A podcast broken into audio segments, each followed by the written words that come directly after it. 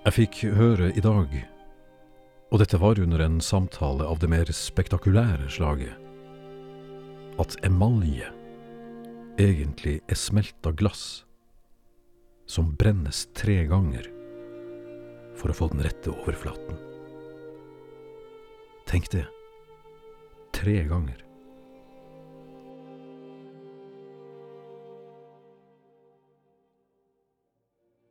Slikt tar tid.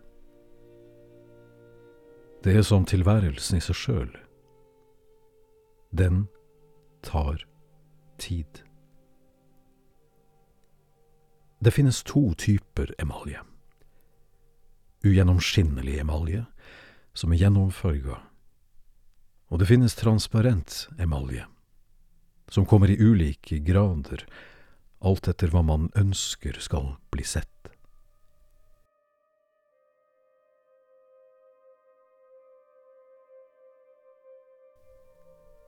Noe av det mest utsøkte er emalje med overflate som opaler. Har du holdt en opal på nært hold noen gang, så vil du ha sett at den har tredimensjonal dybde.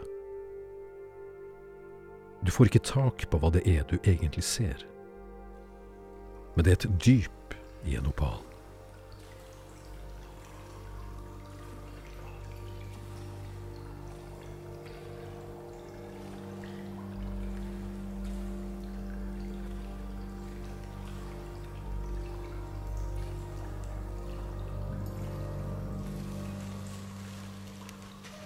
Opaler finner du eksempel inne i dryppsteinsgrotter langt inn i fjellet.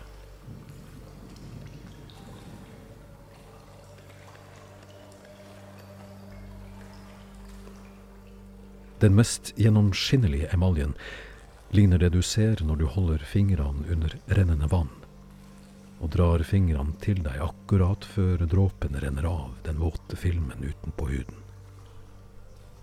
brent tre ganger, akkurat ved riktig temperatur.